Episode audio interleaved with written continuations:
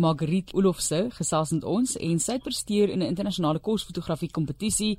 Dit is die Pink Lady Food Photography of the Year 2022 finaliste gewees en ons kan baie geluk sê want sy het toe die tweede posisie ingeneem in Afrika en is aangewys as die beste vroue fotograaf. Baie geluk Margriet.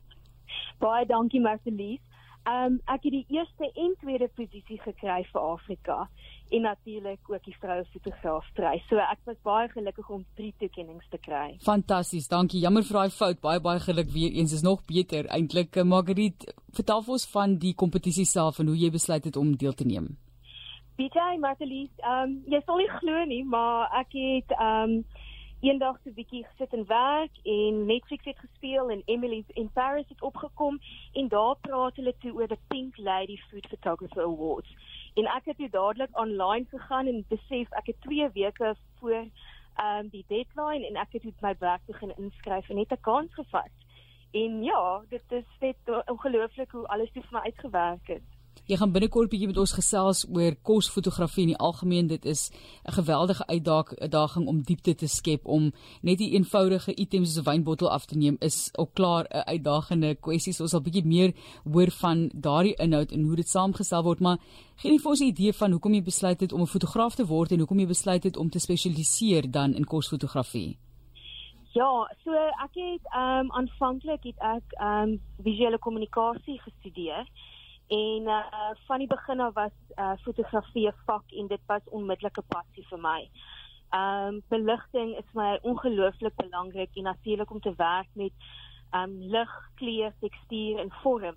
En in daai medium het ek geweldige aanklank gevind en dit was regtig 'n hartspassie wat ek nou al vir die afgelope 15 jaar volg as as 'n beroep. Um dit is net iets wat met my, jy weet dit is dis iets wat 'n mens met wat met, met iemand gebeur en dis net ja, jy weet onmiddellik dit is dit is wat jy moet doen en dit is hierdie rigting wat jy moet volg. Um en om jou vraag verder te beantwoord in terme van kosfotografie, ek het vir baie lank mode geskiet, kommersiële werk en toe Jan Hendrik van der Westhuizen met sy joernale begin het, het hy my gekontak om um sy joernale te begin afneem, sy kos en sy portrette En so het ek en hy toe ook na die afgelope 4 jaar begin saamwerk en in daai weet in hierdie tyd het dit net vir al die duideliker geword dat kos eintlik my passie is. Fantasties. En om die twee bymekaar te bring, nou Margriet, as ek nou kyk na van die fotos wat ingeskryf is, dis ook nou op ons webblad, jy kan gaan kyk daarso. En ja. dis 'n jong dogtertjie byvoorbeeld in die een foto met 'n pakkie skyfies wat sy besig is om te eet. Die ander foto sit iemand met 'n nartjie voor hulle. So daardie wisselwerking tussen mens en ons verhouding met kos is is 'n mooi ding om vas te neem. Mm. Ja, so uh, vir, jy weet ek is mal oor kook myself, ek is mal oor kos. Ehm um, ek dink ons as Suid-Afrikaners het 'n geweldige noue verhouding met kos en kos. Jy weet soos wat ons lewe, gee kos ook lewe en ons het ons het so 'n geweldige diverse kultuur en ons het soveel invloed, jy weet influences van koskulture reg oor die wêreld al vir eeue heen. En so om om 'n jong dogtertjie vas te vang waar sy iets ikonies soos wat sy eet wat so 'n reg Suid-Afrikaanse um, brand is jy weet um, dit jy gaan nêrens tussen wat jy in die wêreld kry behalwe hier nie. En natuurlik ook 'n dogtertjie wat um, sit in 'n narkie skool um kos gee lewe en en ja en, en kos is wat wat mense het dit kos ook 'n verouderingsproses so ek ek speel natuurlik met al hierdie elemente maar op die einde van die dag gaan dit vir my oor lewe en die en die celebration daarvan. Ek wil jou juist vra uh, Margriet oor die lewe. Jy het um, interessante paaie geloop ten opsigte van die lewe baie groot operasie en so gekry, né? En ja. het dit jou werk as 'n as 'n fotograaf sou jy sê jou houding teenoor dinge, objekte verander? Absoluut, Johan. Ehm um, Bita as 'n baie klein dogtertjie het my ouers my kindtalent raak gesien En ehm um, ja, ek moet hulle baie dankie sê vir daai tye wat hulle so invested in my want ek het baie geverf en kuns was absoluut 'n deel van van van my lewenstyl gewees in daai tyd en toe ek nog ook boonop ehm um, siek geraak het was dit die enigste ding waar ek myself kon uitleef. Um, sonder om te voel dat ek teruggehou word. So ja, ek meen um, net om die luisteraars insig te gee Ek het 22 jaar terug 'n hartoortplanting ontvang. So uh, ja, natuurlik, jy weet my hele lewens um uitkop kyk op die lewe is is geweldig aangeraak. Um deur waar direk is. So ja, ek wil ons almal aanraai om werklik elke dag ten volle te lewe, mekaar lief te hê en natuurlik baie lekker te eet. Hoe het jy geweet op daardie lekker eetnoot wat om in te skryf vir hierdie kompetisie want dit is moeilik om te kies, is moeilik om te weet presies waarvoor hulle kyk. Is dit ook mense wat hulle voor kyk of is dit net kos en is daar reëls daaraan verbonde? Kan jy vir ons 'n idee gee? Ja, ek het ehm um, die kompetisie reëls en uh, natuurlik al die verskillende verskillende kategorieë diepte bestudeer omrede ek aanvanklik onseker was of ek mense kan wys, jy weet dat dit nie net moet kos wees nie.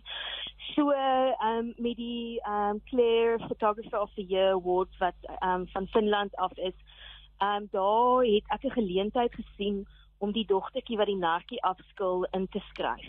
Omdat dit ook oor Finland gaan wat vroue fotograwe celebrate. En dit is hoekom ek dit jy weet vir hulle ingeskryf het. Maar ja, ek het maar kans gevat Marcelies. Ehm um, ja, dit is maar ons moet maar dit was letterlik 'n kans wat ek gevat het. Ja, ek hoop dit antwoord jou vraag. Nee, 'n mens moet seker kansse vat. Dit wys net vir jou nou, mens moet nie terug staan en bang wees nie, maar daai kansse vat. En net laastens gou, as mens kyk na die wisselwerking ook met kuns byvoorbeeld en ehm um, die Franse post-impressionisme byvoorbeeld wat vir jou geïnspireer het. Dit bring jy ook in in jou fotografie.